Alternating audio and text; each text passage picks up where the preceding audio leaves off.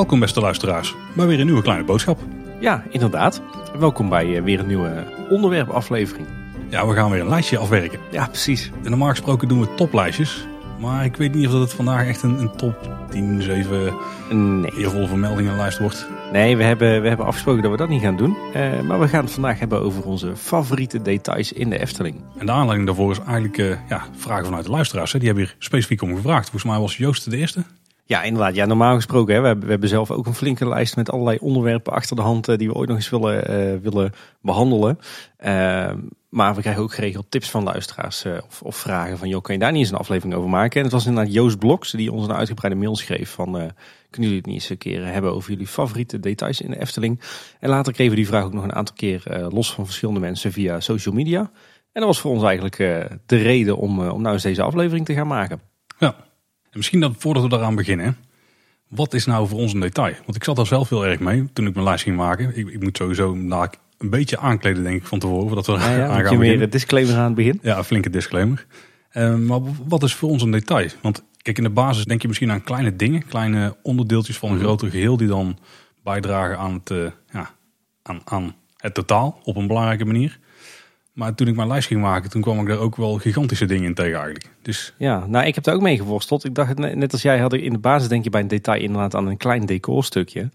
Maar ik kwam er ook achter dat het helemaal de lading niet dekt. Ook omdat het lang niet altijd in een decor zit. nee, het is bij mij ook niet altijd fysiek. Maar wat, wat is voor jou? Want dan ben ik wel benieuwd. Ik heb daar voor mezelf uiteindelijk wel een weg in gevonden voor deze aflevering. Maar hoe, eh, hoe kijk jij daar tegenaan? Ja, ik denk dat dat de dingen zijn eh, die iedereen onbewust wel voelt, maar die 95% van de mensen niet kunnen benoemen. Dus die niet echt eh, in je face zijn, die niet heel erg opvallen, totdat je er echt op gaat letten of er echt naar gaat zoeken.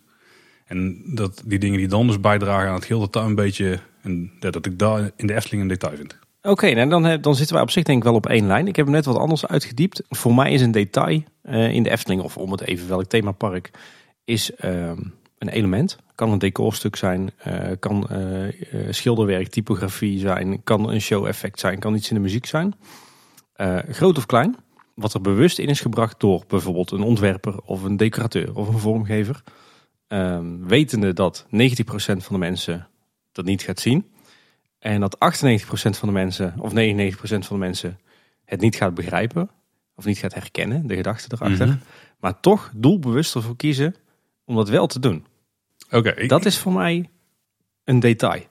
ik denk dat jouw definitie wel meer klopt dan die van mij, maar ik heb er toch eentje tussen zitten die denk ik onbewust was. Maar daar kunnen we nog wel over discussiëren Oké. Oké, nou dat, was bij, dat is mijn eh, definitie geworden uiteindelijk voor deze Nee, aflevering. kan ik me ook wel in vinden. ja. Maar hoe, hoe belangrijk zijn voor jou dat soort details, Paul? Ja, uiteindelijk zijn details wel hetgene wat het maakt. Ik denk dat er ook wel een. eh, het, het onderscheidt diepgaande van het oppervlakkige. Zeg maar. Dus Mhm. zonder details dan, ja, dan voel je gewoon dat het. Ja, dan voelt het niet zo diep, zeg maar. Dan is de haalwaarde ook lager. Mhm. En het zijn allemaal onbewuste dingen, denk ik hoor. Maar kijk, als je een, ehm, om een groot voorbeeld te pakken, je, je kleedt een dorp aan of een stadje. En gewoon volledig fake, volledig gemaakt. Als je dan daar weinig details in doet, ja, dan voelt het gewoon als eigenlijk die eh, sprookjestuin vroeger in de Eindhoven, weet je wel. Ja. Dan is het gewoon bijna karton, viek of rechte muren. Er zit geen, ja, geen, geen ziel in of zo. Misschien is dat. ja, geen dat wel een inhoud. eh, Ja. ja. Dus eh, details zijn wat dat betreft heel belangrijk, want die kleden uiteindelijk het geheel gewoon aan. En daardoor voelt denk ik een eh, gethematiseerde omgeving wel ja, hoe die voelt. Ik denk dat, dat, ik denk dat het wel 80% is, misschien wel meer van, het, van de algemene sfeer die bepaald wordt. Oké, en dan zitten wij er hier totaal niet op één lijn, ben ik bang. Want. Ik vind, voor mij zijn details in themaparken altijd een beetje overgewaardeerd. Eh, voor mijn gevoel. Ja, ik ben dol op details. Anders zouden we deze aflevering ook niet maken. Maar voor mij is dat echt een beetje de kers op de taart. Maar ehm, een detail is niet meteen een garantie eh, voor, voor een goede attractie, zeg maar. De basis moet voor mij een, een goede attractie of een goed themagebied zijn. Met goede thematisering, ehm, een goede backstory, eh, netjes uitgewerkt. Maar daar zitten dus allemaal heel veel details in. Hè? Als die nee, missen, dan is het oppervlakkig. Nou ja, even zonder die details zoals, zoals ik die definitie voor mezelf dan heb bepaald. Eh, maar, maar dan kan iets al heel erg goed zijn. Zonder dat er echt details in zitten die, die, die alleen die ene of die halve procent van de bezoekers ziet en snapt. Dan is denk ik toch de definitie van details bij ons toch verschillend. Hmm, ja, dat blijkt. Nou ja, voor, voor mij in ieder geval, ik ben, ik ben er dol op hoor, op dat soort geintjes. Maar ik besef ook wel, dat is echt voor de, voor de happy few die dat dan doorhebben. Hè, die paar personeelsleden en die paar fans die dat dan zien. Ah, dan ben ik heel benieuwd naar jouw lijstje. Oké, Ja, maar ehm, ja, in die zin, voor mij is het niet zo dat, een, dat details een attractie maken of breken. Ik, ik heb het gevoel de laatste tijd dat details misschien wel eens een te belangrijke rol eh, toebedeeld krijgen. Hè? Zo van, als we maar heel veel details ergens inproppen, dan is het meteen goed. Denk bijvoorbeeld aan eh, het huis van Geppetto in Sprookjesbos of eh, het Wonderdepot in Symbolica.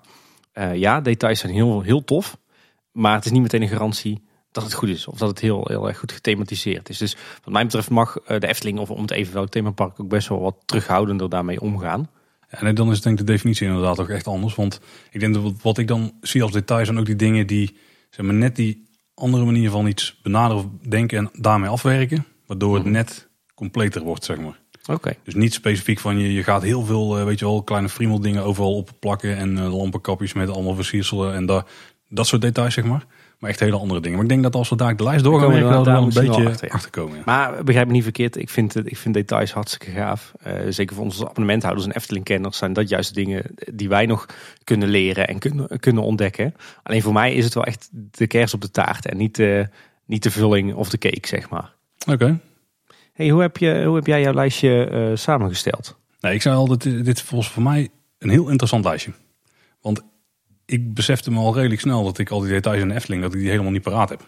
Dus ik had eh, best wel moeite om een lijstje te maken. En ik heb de laatste keren dat ik er ben geweest ook wel goed te rondkijken. En dan goed op te letten op dingen die dan, eh, ja, die, die echt bijdragen aan de totaalbeleving, zeg maar. Dus het is een beetje hoe ik het net uitprobeerde te drukken. En ehm, toen ben ik dus tot de lijstje gekomen, maar daarin mis ik gegarandeerd echt sowieso, ja, sowieso duizenden dingen. Want ik denk dat de, de Ja. Efteling het park is van de duizend en één details. Eh, dus heel veel van misschien bekende details of eh, details die, die iedereen aanhaalt als je met een groepje bent van, oh moet je daar eens Ja. kijken. Heb dat wel eens gezien, weet je wel. Een eekhoorn boven het dak of een kat onder het bed of zo. Mhm. Die voor redelijk voor de hand dingen, die heb ik er sowieso uitgelaten. Die kon ik net wel verzinnen. Ja. Ik probeer ook een beetje naar de wat meer unieke eh, hoek te gaan. Dingen waar je misschien niet direct bij stilstaat. Mhm. Eh, om een beetje het fris te houden. Misschien als ik, je- als ik even mag onderbreken, Paul, is misschien wel goed om te weten voor de, onze luisteraars. In tegenstelling tot sommige afleveringen hebben we er nu voor gekozen om dus van tevoren onze lijstjes niet met elkaar te Nee. delen. hè? Dus we hebben totaal geen idee van elkaars lijsten en elkaars keuzes. Ik zou al vooraf, als er iets van overeenkomst in zit, dan zou ik dat zeer bijzonder vinden. Ik ben, eh, ik ben heel benieuwd naar jouw lijst, ja. Eh, ik was nog een beetje aan het disclaimen. Ik ben dus eh, zeker heel veel dingen vergeten. Dus de lijst die ik heb is eigenlijk gewoon een lijst van details die me ja, de laatste tijd zijn opgevallen, die, die ik nu even paraat had. Ik denk als ik echt zou gaan graven en echt sprookje voor sprookje bijvoorbeeld stil zou gaan staan, op gaan Mhm. staan letten, dan kom ik, dan denk ik, oh ja, dat ding, dat ding, dan kom ik vast tot een veel grotere lijst. Ja. Maar dat is in ieder geval nu niet, het getal- niet het geval. Dus het is ook zeker geen toplijst bij mij.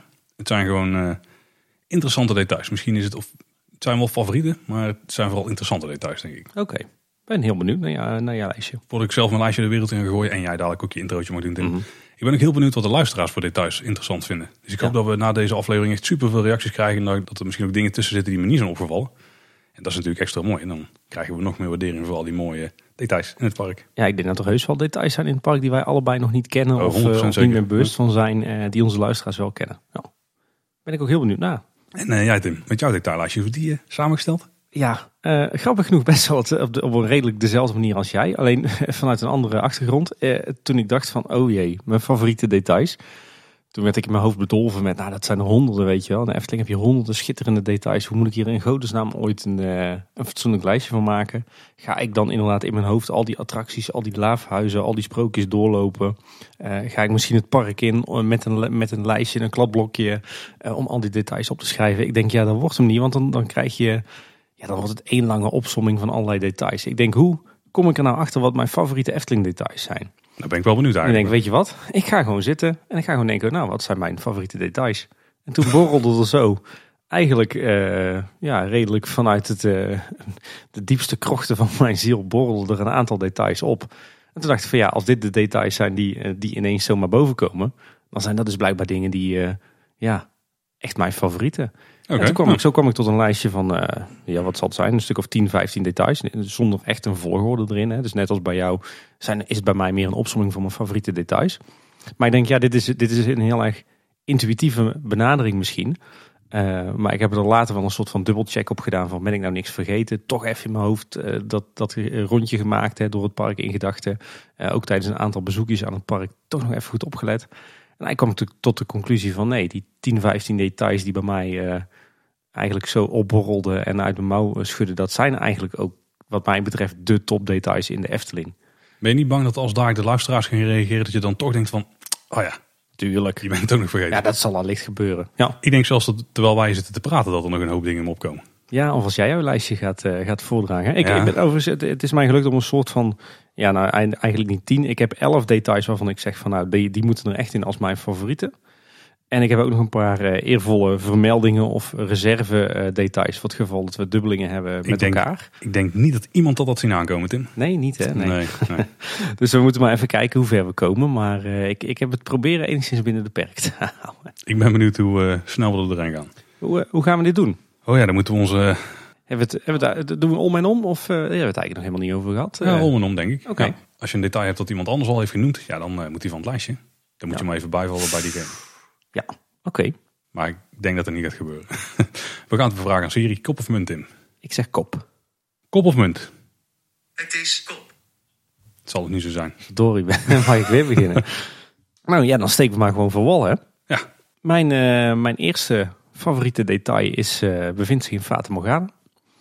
Eh, op de markt, het tweede gedeelte van de markt, sectie 4 heet dat geloof ik. En dat is het, eh, het, zeg maar het uitkragende eh, gebouwtje waar twee Oosterse heren een conversatie aan het voeren zijn. Dat zijn die silhouetten Mhm. Oh, oké. achter de ramen. Ja, dat is wel inderdaad een groter ding dan een klein objectje in, in de scène. Ja, die, die vind ik gewoon heel gaaf, want het is eigenlijk een heel erg obvious detail. Hè? Je zou zeggen het is heel erg in your face, maar bijna niemand ziet het. En het is eh, heel simpel gedaan. Het is gewoon een oranje ruitje met, eh, met volgens mij van, van hout eh, wat silhouetten uitgezaagd die minimalistisch bewegen. Maar op de een of andere manier is het super, eh, super levensecht. En ja, dat is altijd voor mij een, een topper geweest in die attractie. Ook mijn favoriete detail in de Fata. Ik heb wel even zitten dubben eh, of ik eh, eh, hier dan misschien niet de silhouetten van het meisje van de zwavelstokjes, met de zwavelstokjes Ja, had die- moeten noemen. Oeh, die, dan hadden we bijna overlap gehad. Aange- aangezien dat toch zeg maar de, de moderne variant hiervan is, die misschien nog net wat subtieler is, hè, want die, die komen Ja, zo langzaam zeker voorbij gelopen. Heel licht, eh, heel licht hè. Maar ja, aan de andere kant dacht ik, ja, dit is wel het, het, het origineel in de Fata Morgana. En ik vind hem net wat, wat, wat meer in your face en wat gewaagder. En toch ziet bijna niemand hem. Dus dit is voor mij, eh, was voor mij zo'n toppertje. Ik heb die schaduwen bij het meisje met de zwavelstokjes heb ik dus er niet in gehouden. Het is wel een detail, maar ze vertellen het ook, zeg maar. Dus je wordt er sowieso, ga je een beetje kijken naar die ramen op het moment dat ze vertellen. En daarmee Mm, ja.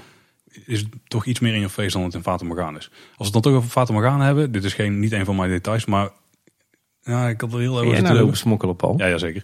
Maar als je eh, de, de, de armwijking komt, dan heb je op een gegeven moment heb je die ezel op de brug staan. Daarnaast een gebouwtje met een eh, meneer en die eh, doet het gordijn open. Ja. En die hand zit zo vast aan het gordijn en, en de hand die wordt, gewoon, die wordt het gewoon opengetrokken, zeg maar. En daardoor is het net dat hij eh, ja, dat hij het gordijntje opentrekt. Maar, maar het mooie is, hij doet het op een gegeven moment zo ver dat het heel onrealistisch is en dat hij eh, twee ellebogen zou moeten hebben.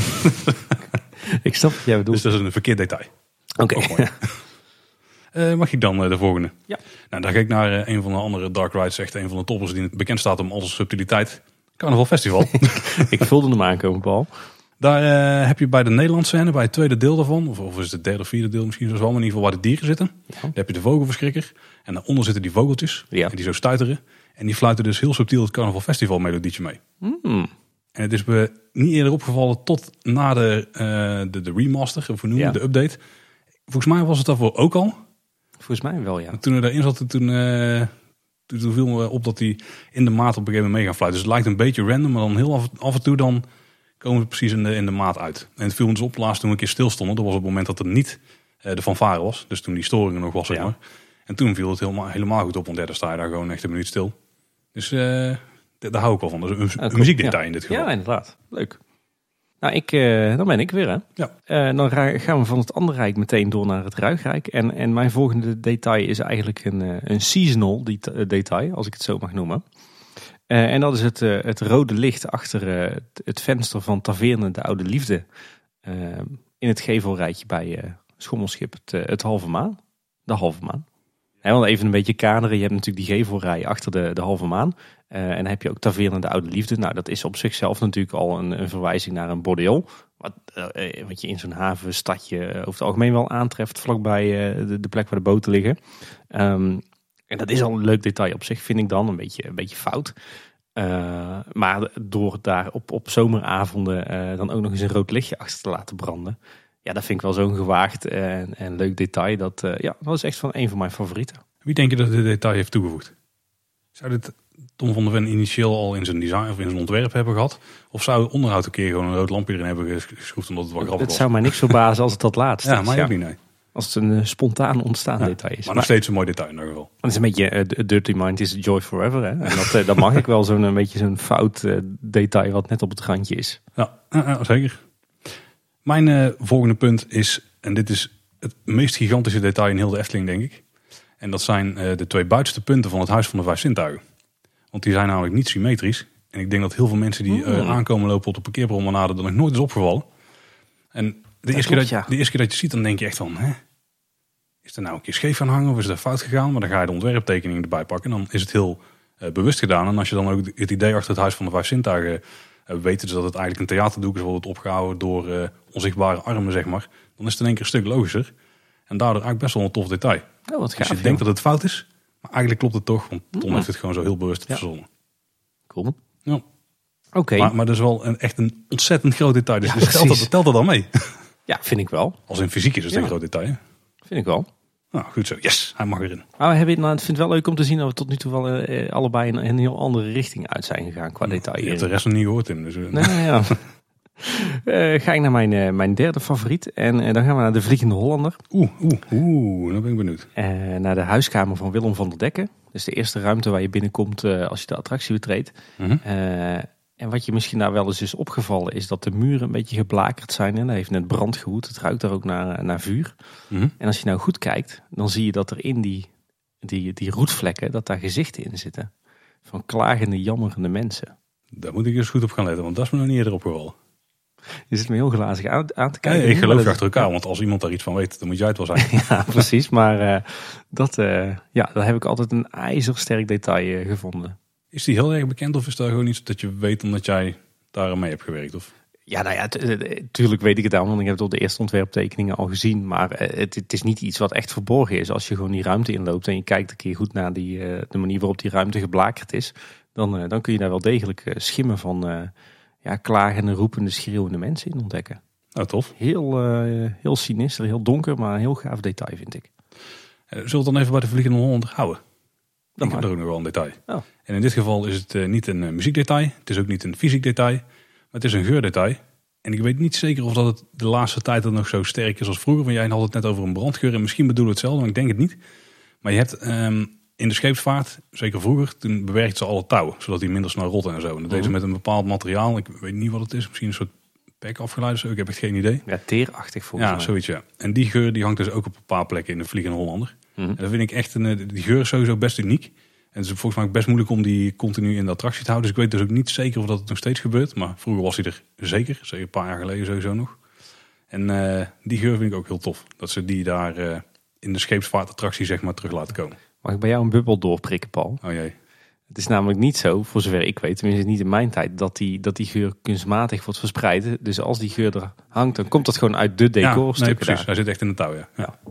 Nee, dat wist ik wel. Oké, nee, dan is het goed. Alleen ik kan me voorstellen dat als die daar een jaar of twee hangen, dat, die, dat heel dat materiaal een beetje uitgetrokken Ja, precies. En dat het dan dus continu opnieuw aangebracht moet worden. Maar ja, het voordeel is wel dat, eh, dat die touwen vaak ook worden vervangen in, in de loop van, eh, van de tijd. Dat zou Oké. toch niet nodig moeten zijn als ze echt het klassieke materiaal Ja. gebruiken. Dat is waar. Maar ik weet er nog uit de making-of in ieder geval dat ze die geur specifiek hebben opgezocht op dat materiaal. Wat ze daar Mhm. overheen smeren. En, eh, dat soort dingen kan ik wel waarderen. Dat draagt ze echt bij aan die totaalbeleving, zeg maar. Ja. Dus we hebben volgens mij drie details op drie verschillende vlakken. Ja, Wat precies. gaat er nog komen? Ja, spannend. Ehm, ik ga alweer richting het Marenrijk, Paul. Oeh, mijn volgende detail zit ook in het maar. Ah, kijk, ik eh, ga dan naar het diorama. Ik ga een andere hoek in. Oké. Het eh, zit natuurlijk vol met, eh, vol met details. Maar tijdens de recente, of ja, al niet meer zo recente restauratie. Waar ze volgens mij voor 1 miljoen euro hebben besteed aan het terug in oude staat brengen van die diorama. Hebben ze ook een heleboel leuke miniatuurtjes toegevoegd. Denk bijvoorbeeld aan een miniatuurtje van Holbolgijs. Van de enige echte Efteling fanfare van de ganzenparade. Maar er is wat mij betreft één eh, figuurtje wat met kop en schouders eh, eh, boven alle andere toevoegingen uitsteekt. En wat me zelfs een beetje raakt. Kop en ezel. En dan weet jij inderdaad al waar ik het over ga hebben. En dat is toch over ga hebben. En dat is toch wel het ja, Anton Pieck achter zijn schildersezel bij, bij dat meertje. Dat heel vind ik zo'n schitterend, schitterend mooi eerbetoon aan Anton Pieck. Daar, daar kan ik nog steeds kippenvel van krijgen. Ja. Ja, dat is een goeie. Kijk, dat soort dingen die ben ik nou vergeten. Ik heb wel aan een diorama gedacht en dacht wel aan die figuren. Maar Antropiek kwam eh, niet meer direct bij me op. Goed, jij noemt Tim. Ik ging een andere hoek van het Marenrijk in. Ik ging namelijk naar Droomvlucht. Wat best een tof detail is. En ik denk dat het je pas opvalt als je daar een paar keer, een paar keer achter elkaar misschien, als je er heel vaak in gaat. En eh, ik kan je verklappen, dat heb ik de laatste tijd gedaan. Ja. Je hebt in het Wonderwoud, dan, eh, dus dat is eigenlijk de tweede ruimte waar je erheen gaat. Ja. Je hebt daar eh, Koningin Titania, zo'n elf hè, die uit de rots Ja. omhoog komt. En die verdwijnt dan weer en die verschijnt dan daarna boven in de waterval. Ja. Nou, dat is op zich al wel aardig. Alleen wat er ook heel tof is, als ze verdwijnt uit de waterval, dan heb je dus eh, lichtjes die in de waterval zitten en daaronder ook in het eh, stenen pad wat er door het water ligt. Ja. Daar loopt ze eigenlijk onzichtbaar overheen, zeg maar. En daar zie je heel de baan zo opgloeien op de plekken waar ze loopt, totdat hij bij de rots komt en dan komt ze daar pas omhoog. Dus ze loopt daar onzichtbaar door de ruimte. Dit was dus iets wat ik dus in al die jaren nooit heb, heb gezien. Hè? Nou, echt, dus, dus dat Dit is is, een helemaal, mooie dit, is, tijd. dit is nieuw voor mij. Wow. Nou, mooi, mooi. Ah. Dus hopelijk hebben de luisteraars ook weer wat nieuwe dingen. Dus ik nogmaals, ik hoop dat de luisteraars ook heel veel dingen aandragen waar wij eh, nog nooit van eh, hebben geweten. Eh, dan ga ik verder. En dan loop ik naar het Lavelaar toe. En heb ik een lang zitten dubben. Ehm aangezien natuurlijk ontzettend veel details in het Lavelaar te vinden zijn. Maar wat voor mij betreft denk ik de topper is, zijn de, de teksten die her en der zijn aangebracht in Lals Brouwhuis. Oh ja, maar bedoel je dan echt achter de ramen? Of, eh, ja, ja, ja nou, je, hebt, je vindt op een aantal. En ik heb, ze, ik heb ze even opgezocht en opgeschreven. Hoor. Vroeger kon ik het uit mijn hoofd. Maar goed, eh, tegenwoordig heb ik wel een leven. Of eh, denk ik dat te hebben. Ehm, maar er zijn, er zijn in die scène zijn er op een aantal plekken liggen er perkamenten rollen en, en hangen er briefjes op. En wat je daar onder andere tussen ziet staan is Jezus wat een onzin. Lulkoek. en van alles niet te weinig natuurlijk. Maar decor. En lieve lezer, doe geen moeite om deze puntje, puntje, puntje. Dan staat er eigenlijk een stuk wat je, wat je niet kan lezen. Want ook dit is onzin. En die, Ja. die, die laatste vind ik eigenlijk nog de, de, de topper. Eh, ja, ik vind dat echt eh, zulke schitterende details. Leuk dat dat ooit door de decorateurs eh, en misschien wel door Ton zelf zo is bedacht. En dit vind ik ook wel een mooi voorbeeld van details in het algemeen in aangeklede werelden. Want alle teksten die er staan, heeft iemand ooit over nagedacht. Ja. En als je dan toch over nadenkt, breng je dan zoiets in, weet je wel. Ja, of breng je dan humor in of eh, relevante dingen voor de omgeving waarin het staat. Ja. Want dat is, dat, is, dat zijn toch dingen die mensen denk ik vaak vergeten. Wanneer als ze dan over de 90% hebben of de 95%, die staan er helemaal niet bij stil dat, eh, dat daar al die moeite in Nee, eh, gedaan wordt. Te zien dat je naar een decoratieshop gaat, daar waar netboeken of zo tevoorschijn tovert en die je dan in je decor legt. Ik bedoel, dat kan wel. Dat zal ook in heel veel pretparken en, en themaparken gebeuren. Ja. Maar in Efteling gebeurt dat nee, nee. En ik vind het ook, dit is ook weer net zo over het randje heen. Weet je, wel, als je die teksten zo hoort. En dan mag ik wel. Een beetje, beetje fout gewaagd eh, detail. Ik zal even kijken of ik hem kan vinden. Ik weet dat Eftel Wesley hier laatst een filmpje van heeft gemaakt, of een jaar geleden of zo. En daar, dan zoomt hij echt flink in op al die eh Ja. perkamentrollen. Dus kan je het goed zelf eh, checken. Overigens een detail wat bij mij was afgevallen uit het Lavelaar. Maar wat, wat wel mijn nummer twee is in het, in het Lavelaar is eh Laaflektriek. Ja. Eh, die, eh, die laaf die daar bovenop op die balk zit in een van die eh, laafhuizen waar de slakmonorail doorheen gaat. Die heeft een lamp vast. Mhm. En voorheen was het in ieder geval zo dat hij af en toe dat die lamp aangaat en dan, dat hij dan wordt geëlektrocuteerd als er een slak voorbij komt. Maar beneden, op de, zeg maar, bij het bruggetje onder die laaf, daar heb je ook een hendel. En als Ja. je die hendel omhoog haalt, dan kun je eigenlijk die laaf elektrocuteren, zo gezegd. Ja, dat- En dat vind ik toch ook wel heel gaaf. Ja, wat, daar ook wel, wat daar ook wel tof is, is dat de kabel die daar hangt bij die lamp, die loopt Ja. ook naar beneden, naar de Ja. hendel toe. Dus als je dan goed oplet en je zit erboven te kijken, dan kun je ook die kabel volgen en denk je, hé, hey, hier kan ik gewoon iets eh, van interactie uitvoeren. Dat is heel gaaf gedaan, ja. En ik denk dat heel weinig mensen dat, dat weten en weten dat het zo werkt. Wat mij altijd opvalt is als wij dat doen, dat er dan gelijk ook mensen om ons heen denken van, oh vrek. En dat ze het dan ook gaan doen. Die, willen- die gaan er meteen in de rij staan. Ja, precies. Ik smokkel er dan gewoon een lavelaar detail in. Ik denk dat dit gewoon mijn smokkelaflevering. Ik wist niet van dit detail af, totdat ik de laafloop een keer heb gedaan. Je hebt namelijk, volgens mij is dat, nou, dan ben ik even de naam kwijt van het huis. Nee, dus, dit is niet degene waar diezelfde laaf elektriek op zit, maar volgens mij is het een- is andere. Een beetje aan de oostkant van het lavelaar, heb je ook een overkapping. En daaronder hangt een heel groot vogelnest. Ja, ja, ja. Maar die broedt daar of zo en die komt één keer in de zoveel tijd, dan, eh, dan komt hij uit zijn nest om eten te gaan halen of zoiets. Dus het hele, is een heel verhaal is daarbij eh, bij verzonnen in, het, in de lavenloop. Dan hoor je het. In ieder geval, dan kun je verder ook nergens vinden. Is helemaal een mooi stukje decoratie waar een heel verhaal achter zit. Maar helemaal niemand die daarin loopt, die Nee. kijkt omhoog en die ziet het ding hangen. Dus er hangt daar gewoon een, een object van, van. Nou, ik weet bijna zeker dat meer dan 99% van de mensen het nog nooit heeft gezien. Oh, dan moet ik zelf ook eens eh, goed op gaan letten, eh, moet ik zeggen. Leuk detail. Oh, Maar dat was mijn smokkeldetail dit. Hè? ja, precies. Ja, ik doe even een hele korte en eh, dit detail, daar wist ik helemaal niks van af. Totdat wij een aflevering hebben gemaakt waarin dit feitje omhoog kwam. En dan loop ik droomlucht uit en dan loop ik het Tom van de Vemplein op. Ja. En dan kijk ik om me heen en dan tel ik 11 lindes. Ja, precies. Die had ik nog wel verwacht dat we hier misschien wel overlap hadden. Nee. Oké. En eh, zoals wij inmiddels weten, eh, 11 lindes, eh, Ton van de Ven, daar zitten 11 letters in. En dat is de symboliek achter die lindes daar. Dus zo'n detail, hè, de symboliek van het aantal bomen wat er staat. Ja, dat is wel een sentiment dat ik kan waarderen. Ja. Zeker als het om Ton gaat natuurlijk. Ze hebben zelfs een detail op het gebied van landscaping. Op Ton van de Venplein. Ja, nou, dat zijn die elf bomen. Oh zo, ja. De volgende is een, is een klassieker. Eh, dan lopen het Sprookjesbos in. Eh, en daar zijn natuurlijk ook duizend en mooie details eh, te vinden. Ehm, en dan ga ik naar het Kabouterdorp. Naar de paddenstoel die, die je eigenlijk aan je linkerhand vindt als je het Kabouterdorp inloopt. Bovenin zit het schrijvende kaboutertje en er liggen om hem heen liggen allerlei boeken. Met allerlei mooie titels erop. En wat een van mijn favoriete details is, is een boek dat is geschreven door een A. Vendervan. En met de titel O plus O. En A. Vendervan is natuurlijk een verwijzing naar Ton van der Ven. En O plus O is een verwijzing naar de afdeling ontwerp en ontwikkeling. Kijk, ik heb in dezelfde huisje ook een detail zitten. En da- En dat is het eekhoornkooitje wat er bovenin hangt. Hmm, ja, En het tofste daarvan vind ik dat er ook zo'n gat zit naar buiten. ja. Echt super, ja, dat slaat helemaal nergens op. Wat heb je aan een kooi als je gewoon naar buiten kunt? Overigens kan in de praktijk kan er dus geen eekhoorn erin, want hij is met plexiglas eh, dichtgezet. Ik denk omdat er ooit wel vogeltjes in hebben genesteld. Dus eh, dat detail van dat gat naar buiten en dat er dan zo'n kooitje binnen zit waar die eekhoorn een beetje kan kletsen met die eh, kabouter. Hoewel die inmiddels ontsnapt is en gewoon eh, onderaan zit ergens voor. Ja, is het nou op de vloer? Ja. Vind ik wel een tof detail daar. Ik smokkel er gewoon overal eentje bij. ja, ik merk het. Eervolle vermelding aflevering. Ik ga even naar een heel recent detail. En ook recent toegevoegd aan Symbolica. En daar zijn toch die druppels in het Botanicum.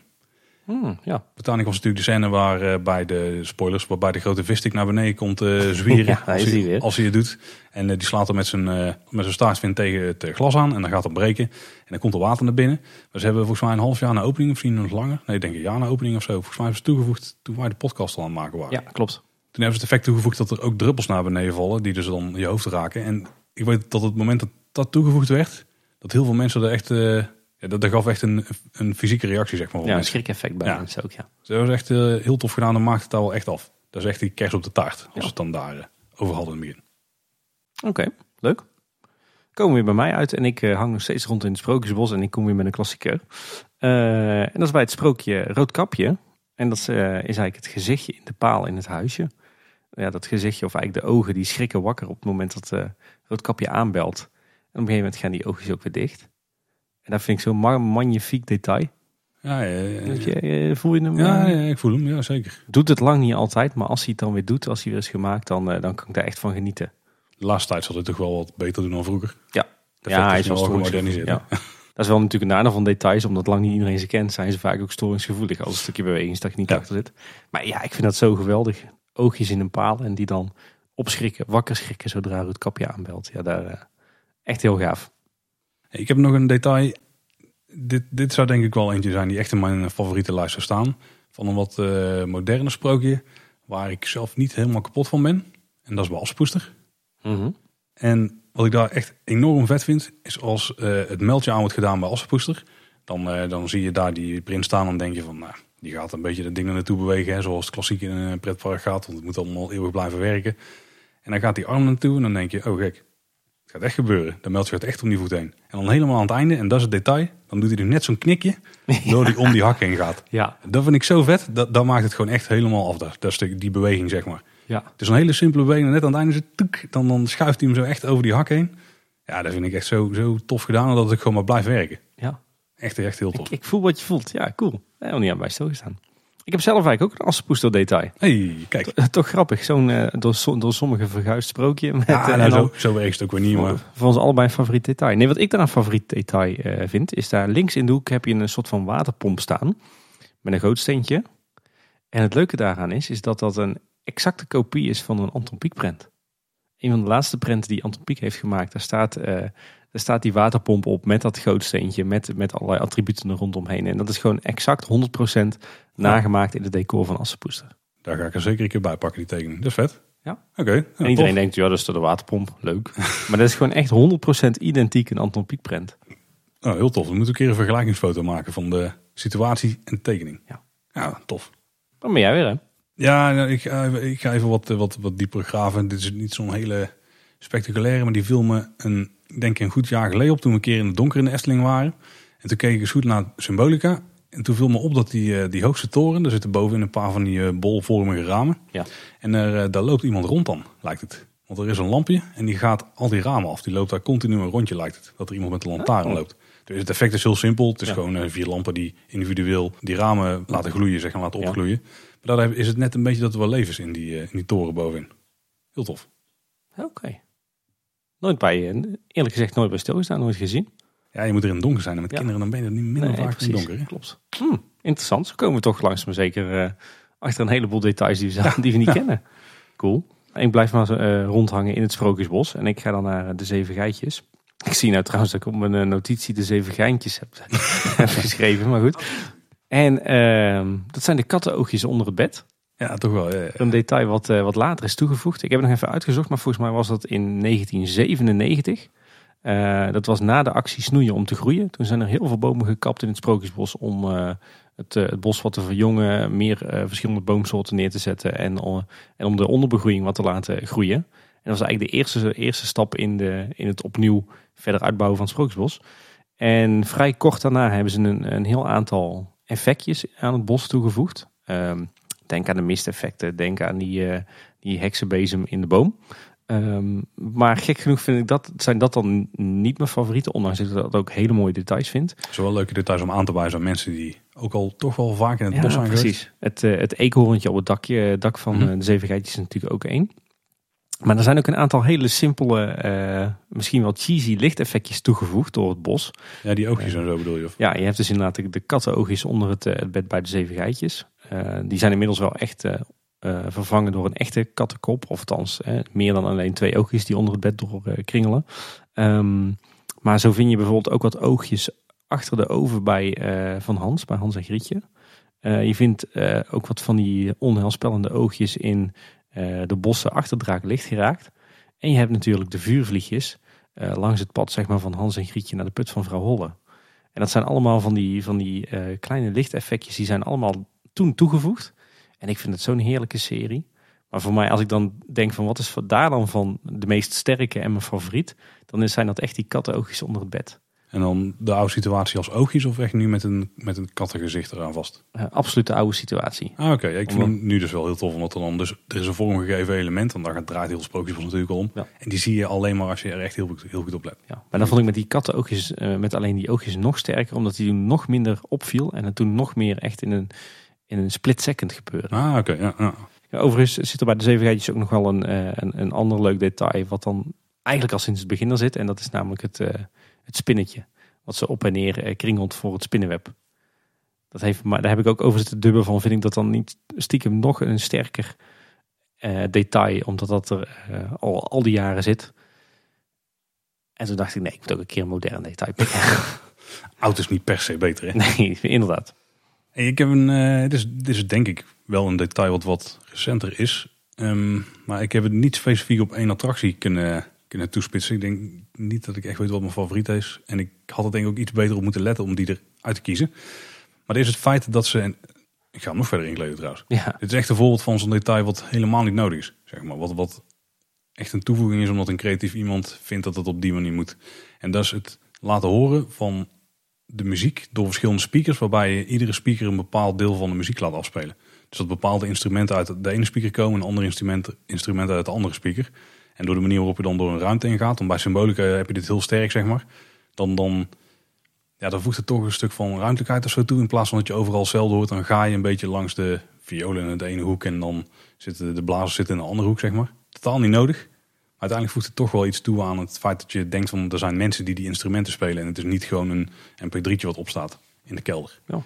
Wat in de theorie of in de praktijk wel eigenlijk neerkomt. en eh, ik denk dus bij Symbolica dat het het beste wel zo werkt. Want het gebeurt Ja. ook bij de Vliegende Hollander en ook bij de Baron. oké. En eh, Echt bij... een René dingetje dan. Ja, want bij... Ja, misschien... Nou, het is bij Carnaval Festival natuurlijk ook, hè. ja. Dan heb je ook wel eh, dat het wat meer uitgesplitst is. Maar daar was het, het is wel oude techniek daar, dus daar hebben ze minder sporen. Dus het is wel lastiger om te doen. Volgens mij is bij Symbolica staan er gewoon hele rekken met computers om al, alleen al de muziek af te spelen. Maar waar je het bij Symbolica heel bewust kunt horen is als je door de wachtrij heen loopt. Dan loop je door die, eh, ja, dan ga je zeg maar de wachtrij in, dan loop je eigenlijk buiten langs die, eh, die heg af. Mhm. En daar hoor je dus gewoon de hoofdmelodie, maar dan alleen maar de strijkers daarvan.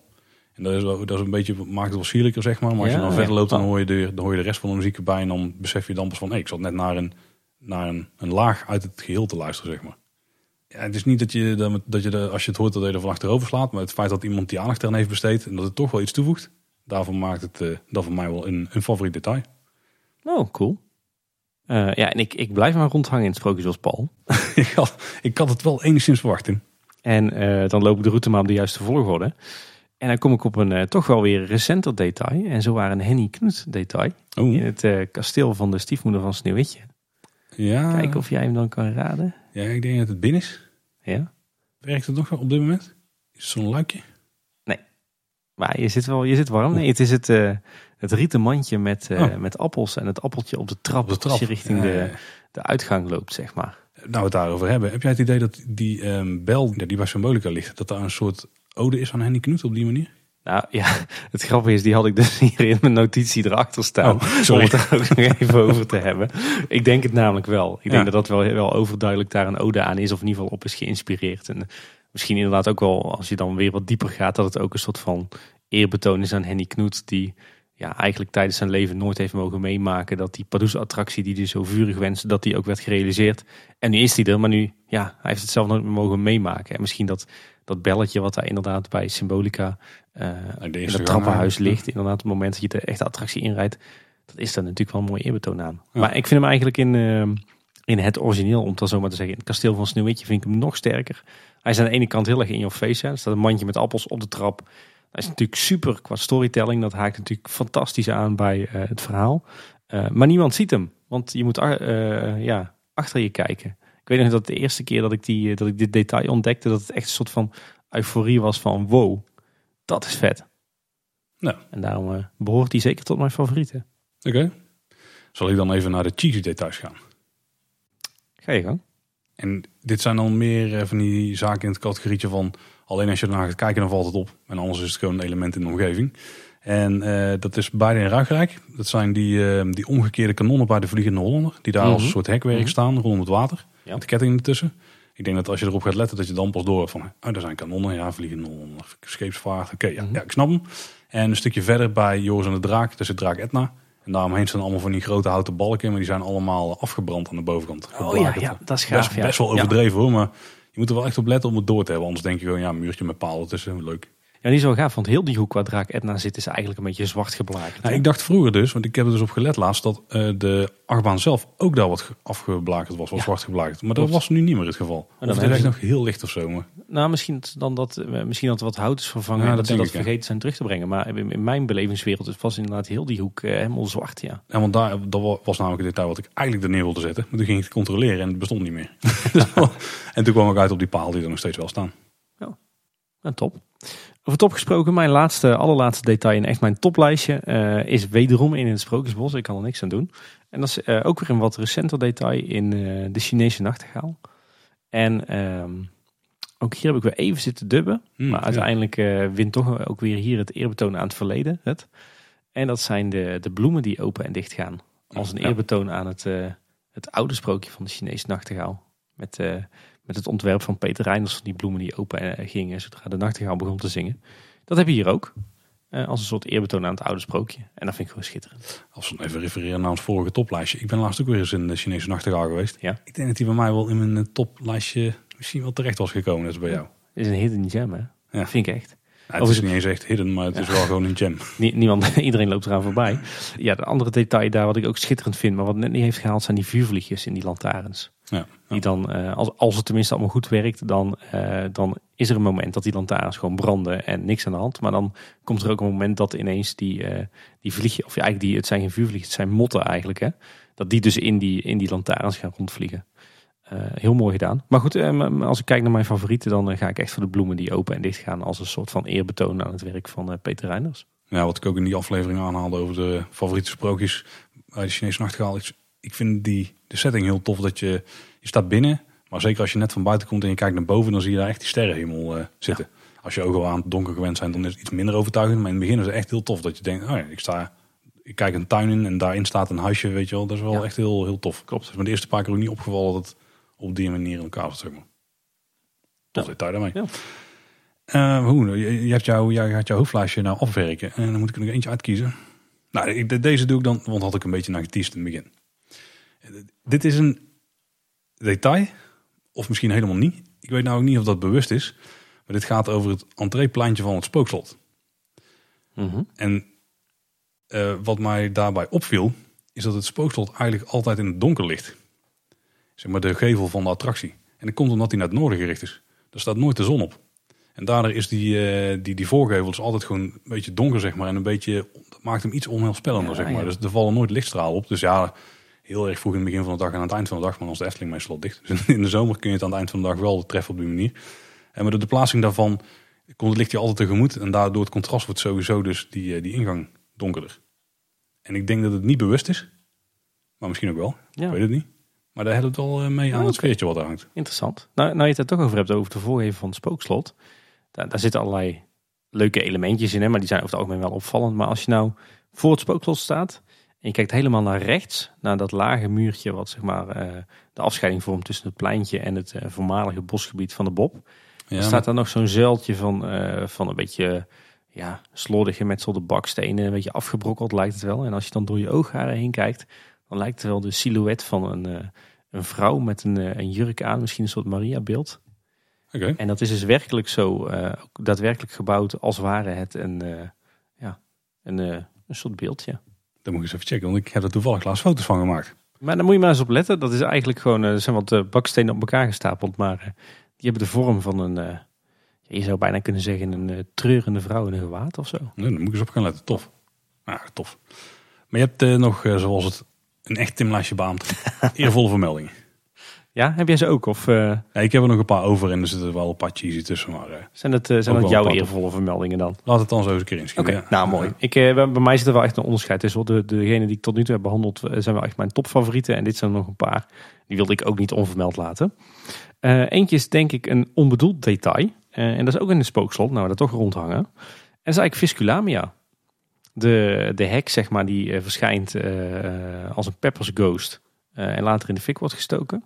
Ja? Die is natuurlijk gewoon ooit bedoeld als, eh, als ja, animatronic, als verhalend element. Eh, zeker niet als detail. Eh, maar de praktijk wil dat op de een of andere manier eh 95% van de mensen eh, haar niet zien. En het valt me op dat, dat mensen die het dan wel ineens zien... en die dan ook zien van, oh wacht, verrek, die, eh, die staat op een brandstapel... en die wordt dadelijk in de fik gestoken en dat gebeurt dan. Dat dat bij mensen wel echt eh zoiets heeft van, wow, eh, Hm. dat zit goed in elkaar. Dus ja, voor mij is Visculamia ook wel een soort van detail... wat ik niet onvernoemd wil laten. Oké. Ik ga nog heel even terug naar Jongens en de Draak, naar Etna. Wat ik een tof detail vind, is eigenlijk een effect wat in de, in de baan zit. Wat me dus ook wel eens opviel nadat ik recht al 10 of 15 keer in was geweest. Ik denk omdat ik altijd voorin zat of zo. Maar dat is dat dan Etna, als de karretjes haar benadert, die dan slaat met de staart. Dat is in principe het verhaal. En dat dan die, die waterfontein omhoog spuit, zeg maar. Ja. En dat, het, het idee van Etna die slaat en daar komt het water omhoog. Dat vind ik wel eh, tof. Pas wel in het verhaal. Ja. Is me dus heel vaak niet opgevallen. Misschien ben ik altijd in de winter Efteling gegaan of zo. Dan staat het wel eens uit, denk ik. Klopt, ja. En het werkt ook niet altijd goed. Nou, dat zal, dat zal dat misschien zijn. Dus eh, die. Oké, nou ja, dan eh, zijn we, zitten we toch in het Ruigrijk. Dan eh, ga ik toch even naar Baron 1898. We hebben die attractie al eens opgehemeld in een eh, attractie of in een aflevering speciaal gewijd aan, eh, aan Baron. En toen hebben we het ook gehad over de vele details. Ja, de hele wachterij, het hele gebouw hangt natuurlijk vol met allerlei schitterende details. Denk aan, aan alle aanzichtkaarten, hè, waar bijvoorbeeld een dorp Kaatsheuvel op staat in vroeger, vroeger tijden. of de Efteling stoomtreinmaatschappij. Eh, denk aan alle kaarten aan de wand. Maar als je mij nou vraagt, wat is nou je favoriete detail? ehm, ja, waarvan je echt denkt van, wow, dat is goed ge- gedaan. Ehm, dan is dat eigenlijk in de eerste voorshow. Die dia's die worden getoond. En dan ehm, die twee dia's, eh, waarin we zeg maar mijnwerkers zien. En de een daarvan is een soort van groepsfoto van mijnwerkers. En dat, is dus, eh, dat zijn allemaal projectteamleden verkleed als mijnwerker. En een andere, eh, en dat is misschien nog wel de allerbeste, de allermooiste, is een foto van een, eh, een nogal bruske mijnwerker. Met een lamp in zijn hand en een helm op en zijn hand aan, eh, aan een soort van grote hendel. hè. En dat is Henk hey. de hoofduitvoerder van de Efteling. Ja, en ik vind dat, dat vind ik schitterend hoor. Dat, hè, je, dat, dat zijn, je had daar natuurlijk allerhande stokfoto's voor kunnen, kunnen gebruiken. Of eh, mensen laten eh, model staan. Maar dan vind ik het zo gaaf dat dan de, de mensen die het project gemaakt hebben en daar keihard aan hebben gewerkt. Dat die dan de eer hebben om daar eh, model voor te staan. Dat is natuurlijk iets wat we ook bijvoorbeeld heel veel zien in Disney. Ehm, maar nu dus ook in de Efteling. En ik vind dat toch wel het, misschien nog wel het tofste, meest verborgen detail in heel Baron 1898. Ja, dat is inderdaad wel een verborgen detail. Henk heeft toch wel een soort van fanschaar opgebouwd, denk ik. Ja, ja wel bij, eh, bij Kleine Boodschap. in Ja, sowieso. Fan van Henk. Ik heb er ook eentje uit de bron, maar dit is dan wel een redelijk groot detail. En dat is eigenlijk alles wat daar met raderen en wielen gebeurt. Er, is Hmm. al, er zit al zo tof in elkaar. We hebben het ook aangehaald in onze aflevering. Maar het feit dat als je dus, eh, als de voertuigen eh, het station in of uitrijden, dat dan die raderen in het station gaan draaien. En dat die ook verbonden zijn met die stoomturbine. Turbine, ja, de ja. turbine, ja. En dat die dus gaat draaien als je de lifthill opgaat. En dat je dan boven het grote wiel wat gaat draaien. Op het moment dat je omhoog gaat, dan ook weer terugdraait als je naar beneden valt. Omdat het kabel dan klapt, zeg maar. Dat soort details echt eh, super vet. Was helemaal niet nodig geweest. Maar dat dat is gebeurd, dan maakt het daar wel echt helemaal af. Ja, helemaal mee eens. En het zit ook allemaal aan elkaar eh, verbonden. Of daadwerkelijk fysiek met, eh, met touwen inderdaad. Of Verhaal dat gesimuleerd. ja. Ja. Ja. heel gaaf. Brengt ook wel de nodige kinetische energie in Ja. Echt heel gaaf. Ja, ben ik mee eens. Heel jammer dat ze in het begin dus een, hele tijd niet hebben gewerkt. Dus goed dat ze tegenwoordig weer volgens mij best, best consistent werken. Ja. Ik heb eh, nog een seasonal detail. Ja, ook dit is eigenlijk, de vraag is even, is dit een detail? Maar ja, hij kwam wel bij mij oppoppen. En dat is eh, Sinterklaas in Carnaval Festival. Ja, Oké, ja, ja, keurig goed. Vind ik een hele, hele gave toevoeging de laatste jaren. Ja. Ja, nu de recline is bedoel je? Of, eh, Nee, nee, nee. Oh, ook gewoon, gewoon daarvoor al. Ja, gewoon super tof. Ik heb een detail in en daar heb ik nooit bij stilgestaan. Totdat wij daar een aflevering op maakten op 1 april. En er zijn natuurlijk de schilderijen in de stoomcarousel. Die zijn eigenlijk toch gewoon heel tof. En Ja. heel veel mensen staan er niet bij stil. En die, kijken er niet in zoveel detail naar als wij doen. Ik zou het ook niet aanraden overigens. hoor. Als in, ah, ik zou het misschien wel aanraden, maar ga het niet zo serieus bediscussiëren als wij toen hebben gedaan. Nee, precies. Serieus tussen boos, ja. Maar eh, toch wel, zeg maar, het, is een, het is een hele simpele attractie daar eigenlijk. Maar als je dan eromheen gaat kijken en je beseft hoeveel moeite erin is gestoken om al die panelen te maken. Sowieso al het houtsnijwerk daar en het schilderwerk in het algemeen en al het houten. Gewoon alles wat daar, het is bijna een kunststuk. Hè? Het is eh, cultureel erf- erfgoed zoals we al vaker hebben gezegd. Ja, dat, dat is dan toch, dat is best overweldigend denk ik. En het zijn absoluut geen details. Nou wel, de individuele schilderijen, die hebben heel veel eh, opvallende en bijzondere details. Ja, daar hebben we het uitgebreid Ja. over gehad. Check daar even ons archief voor. Dan kom je vanzelf tegen. Dus eh, ik wou hem niet onver- onvernoemd laten. Nee. Nou, ik moet ook zeggen, sinds wij die aflevering toen gemaakt hebben, het begon als een geintje en het, het werd steeds serieuzer, maar het werd, pakte uiteindelijk toch weer een beetje uit als slapstick. Maar sinds wij die aflevering gemaakt hebben, kan ik gewoon niet meer normaal de stoomcarousel in en een ritje maken op die molen. Want ik blijf gewoon geïntrigeerd door die schilderijen. Je wilt toch die verhalen weten. ja, zitten. inderdaad. Ik heb nog eentje, een kleintje. Ehm, iets waar verder niet echt een backstory achter zit, maar wat de fanscharen van de Efteling al wel lang heeft bezig eh, gehouden. En dat is in de hoofdshow van Villa Volta. En daar ligt een boek. En dat heeft eh, de illustere titel Tempel der Zanggodinnen. Oké. En dat, dat, dat is door heel veel fans eh, opgepikt in de loop der jaren. En eh, ja, ik weet niet, die titel die eh, prikkelt een beetje de fantasie. Er zit natuurlijk niet echt een link met het verhaal, maar misschien ook weer wel. Heeft dat iets te maken met de witte dame op het dak? Je weet het niet. Ik geloof dat er een heel FTpedia-artikel aan is, is gewijd zelfs. Maar wat er nou precies de achtergrond van is, niemand weet het. Maar dat vond ik een hele mooie. Die moet ik wel eens even gaan checken, dat artikeltje. Ja. Ben heel We zullen hem in de show notes zetten. Hey Tim, ik heb nog een, een, een detail. Denk ik. Want ik weet, Brandlos. ja, ik weet eigenlijk niet zeker of dat die wel klopt. Dus dat mogen we dan naar de rand gaan checken. Ik wou het nog checken van tevoren, maar ik ben, het is schandalig. Ik ben al bijna twee weken niet in de Efteling geweest. Foei. Ja. Kan echt niet, Paul. Mensen die denken, wat, ik kom maar één keer in per jaar, als ik al geluk heb. Als je het kasteeltje van het meisje met de zwavelstokjes inloopt, of het dorpje of net hoe je het wil zien, dan ehm, krijg je eerst een stukje binnen. Mhm. En dan ga je binnen buiten staan in zo'n gaande rijtje met een open dak erboven, zeg maar. Of dat is, dan is het gewoon open, sta je weer in open lucht. Ehm, dan kun je, de meeste mensen die gaan er even naar buiten kijken als er nog een ander gezinslid of zo eh, staat. Ja. Ehm, als je vanaf buiten naar het kasteeltje kijkt, dan zitten daar een paar raampjes boven. Die, die Ja. komen dan boven het gaande rijtje uit. Maar volgens mij in dit week dus niet 100% zeker dat klopt. Ik heb het niet meer kunnen checken. Als je in het gaande rijtje staat en je kijkt omhoog, dan zie je nog een raam zitten. Met een klepje erop, met een, een klepraampje wat een beetje open staat, zeg maar. Maar die zie je dus volgens mij alleen maar als je daar binnen staat en dan omhoog kijkt. Wat bijna niemand doet. Hmm, Oh, dan moet ik eens op gaan dus ik moet even doorchecken dat die Ja. klopt. Ik besefte me na de rand toen ik wat opgeschreven van... wacht even, misschien zie je die ook wel gewoon van buiten. Maar volgens mij niet, want het is volgens mij een enkel raampje en daarboven zitten twee of drie. Dus ik moet het nog even Oh. dubbel gaan checken. Dus dit is een soort van eh, mogelijke bonus eh, detail wat er in de Efteling zit. Oké. eh, En niet dat ik het nou per se mooi vind of zo. Maar het is wel echt zo'n ding van ja, waarom? Weet je wel? Het voegt misschien niet iets toe of zo, maar toch onbewust iets misschien in je ooghoek en denk je van er is hier meer levendigheid dan ik had verwacht of Ja. zo. Ik weet niet. Hm. Ik, ik weet er niet precies wat ik ervan moet vinden. Als Ik er klopt. kijken. Ja.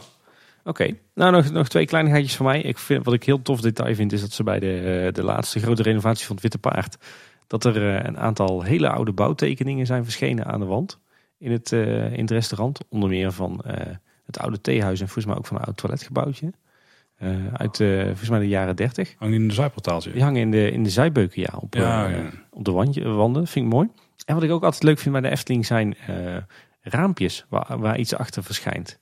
Ehm, zo heb je op het nieuwe Anton Pieckplein, dus bij de nieuwe Smulpaap, heb je, eh, als je voor de Smulpaap staat aan je rechterhand, heb je een beetje die, eh, ja, die schuine, schuine kap, zeg maar. Ja, tussen de ijssalon en eh, de smulpaap. Precies, en dan eh, kijkt een oud, oud vrouwtje van achter het gordijn naar buiten. Dat ziet bijna niemand. Dat is ook een soort geintje of zo, toch? Want volgens mij lag die pop nog ergens of zo. Ja. Ja, en die hebben ze daar gewoon neergezet. En zo kwam ik er laatst achter dat er dus ook een kaarsje brandt achter het, eh, eh, misschien sinds de, sinds de laatste herbouw, maar een kaarsje achter het raam bij Roodkapje. Daar viel me ook op na de herbouw. En toen twijfelde ik ook of dat het daarvoor ook al was. Ik heb geen idee. Ik had het gevoel van niet. Ja, het is wel tof. Ja. En volgens mij zit er ook in de achtergevel van het spookslot, boven de toiletgroep, eh, zit ook een raampje waar we iets van een kaarsje of een gezicht achter zien. Maar dat, dat heb ik nog niet helemaal helder. Hm, daar moet ik ook eens op gaan letten. En we hebben natuurlijk het raampje bij eh, weer Assenpoester. Komt gewoon weer terug.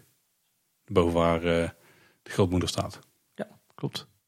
Dus ja, dat is wel een terug, terugkerend detail wat ik ook wel heel erg intrigerend vind. En mogelijk hebben we dus een raampje waar niks achter zit bij het meisje met de zwavelstokjes. Ja. Wie weet. Wie weet. Dat waren een beetje nog mijn, eh, mijn reserve details, zeg maar. Ja, nou, volgens mij hebben we toch een flinke lijst afgewerkt. Ja. Ik besef me wel dat onze eervolle vermeldingen, ja, die hadden net zo goed in het normale lijstje kunnen staan. Dat was dan heel wel langer geweest dan Ja. 10 items. Want, eh, Ja, gewoon- nee, voor mij, ik heb wel echt voor mezelf een schifting kunnen maken tussen de Ja? topdetails en, eh, en het restje, zeg En maar. dan waren er toevallig 10. Er waren er elf eigenlijk. Oh, 11. Ja. Ja, tof. Ja, ik, Joost, ik, eh, ik hoop dat we, eh, niet alleen Joost trouwens, maar al onze luisteraars, ik hoop dat we jullie vraag eh, enigszins hebben kunnen beantwoorden over onze favoriete details in de Efteling. Natuurlijk hebben we er een heleboel gemist. Of omdat we ze niet kennen, of omdat we ze wel kennen, maar dat ze, ze onze lijst van favorieten net niet hebben gehaald. Of, of mij volledig zijn ontschoten, want die kans is enorm groot. Ja. Jij noemt er een aantal die denken, ah, ja, ja, had ik ook moeten noemen. Maar eh, ja, ik hoop dat we, we hier toch eh, een beetje eh, een indruk hebben gegeven van de vele mooie details in de, in de Efteling. Ja, wat me echt heel tof lijkt, is als jullie zelf al jullie favoriete details insturen. Want ik denk dat er daar echt wel een toffe... Nou, Totaallijst van zou kunnen maken. ja, dat is misschien moeilijk, maar dat we, dat we ze in ieder geval een keer uitgebreid kunnen voorlezen en kunnen behandelen. Al is het maar dat we ze gaan opnoemen en dat iedereen er gewoon naar kan gaan kijken. Weet je wat mij wel opvalt, Paul, als ik zo kijk naar de lijstjes die wij hebben gemaakt? Eh, Er zit een, eh, een hele mooie verdeling in tussen eh echte typische hele oude details, de, de klassiekers zeg maar, en de moderne details. Dat is denk ik redelijk, ja, redelijk in balans. Ehm, en dat het dus veel meer is dan alleen de details in decor. Van, Ja. Omdat er heel veel beweging tussen zit, showtechniek, dingen met licht, dingen met geluid. eh, zelfs een eh, stukje landscaping bij jou. Ja, Dus het is, eh, de details zijn veel meer dan alleen decorstukken. ja absoluut. Ja, het zijn dus...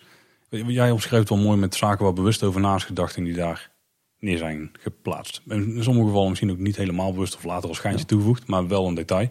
Ik, ik denk dat toen jij begon over van details die eh, zijn soms te veel, dan denk ik dat je vooral doelt op van die planken die dan op, op zeg maar net buiten bereik zijn geplaatst met daar een berg koffers en pannen en potten en allemaal zooi op. Misschien is Polderskeuken dan nog wel het allerbeste voorbeeld van, want dat is echt helemaal afgelaaid aan de binnenkant. Ja, nou niet, niet, nog, niet eens, maar bijvoorbeeld als je het huis van Geppetto kijkt. eh, dat staat natuurlijk vol met, eh, met allerlei, eh, ja, Ja, die, dat, vind ik dus, decor dat vind ik dus wel mooi. Ik heb nog zitten zoeken van was daar een leuk. Ik, ik denk dat het toch zo'n muisje is die in de verf zit of zo, die daar uit die pot komt. ja of die, die muis die eh, met zijn handen op zijn oren staat eh, en zijn instrument heeft laten vallen omdat hij eh, de muziek te hard vindt. ja, daar zit, ja, Ja, daar zit daar, heel daar, veel daar, bij. vind ik misschien net, net wat te veel om, om nog stijlvol te zijn. Maar aan de andere kant, eerlijkheid gebied te zeggen dat ik daar ook toch vaak een kwartier door de ramen sta te turen om al die details tot me te nemen. Nee, ik ben wel met je eens dat daar qua stijlvolheid is het daar wel iets minder. Maar in het geheel zeg maar, de entertainmentwaarde is daar wel heel hoog. Nou, weet je wat, mij vooral om gaat? Ik heb het idee dat, dat, dat eh, zeker in de fanscene wel eens... eh, dat het belang van details wel eens wordt overschat. En dat eigenlijk wordt gezegd van... eh, er moeten deta dit soort details in zitten... want anders is het niet goed, is het niet de Eftelings... heeft het geen diepgang. Maar voor mij zijn details echt even een extraatje. Wat misschien wel net weer even die extra laag toevoegt, oké. maar het is niet zo dat, er, dat een attractie of een sprookje of, eh, of, of een decor... per se eh, een detail nodig heeft om goed te kunnen zijn. Voor mij is het geen voorwaarde in ieder geval. Ja, maar ik vind dus het feit dat bijvoorbeeld eh, daken zijn doorgehangen en dat de dakpannen scheef liggen, er zijn ook voor mij details en die dragen dan wel bij aan de algehele sfeer. Ja, oké, ja, zo, zo ervaar ik het dus niet. Ja, oké. dus, Dat is niet hoe ik een, een detail in de Efteling zou definiëren, zeg maar. Dus we dachten op het begin dat we wel op één lijn zaten, Nou. enigszins, maar hij wijkt toch misschien een beetje af. Ja, precies. nou, dat, is, dat is het leuke ervan dat we het- onze lijstjes van tevoren niet met elkaar hebben gedeeld. Nee, zeker. Nogmaals, we zijn heel benieuwd naar jullie favoriete details. Dus stuur die absoluut naar ons toe. Dat kan op heel veel manieren, Tim, maar noem er eens een paar op zo, eh, zo uit de losse pols. Eh, je kan natuurlijk naar onze website kleineboodschap.com. Eh, en als je daar op contact klikt, dan heb je daar een schitterend contactformulier. Daar kan je al je details in kwijt. Je kan ook mailen naar info.kleineboodschap.com. Eh, en we zijn ook bereikbaar via eh, social media.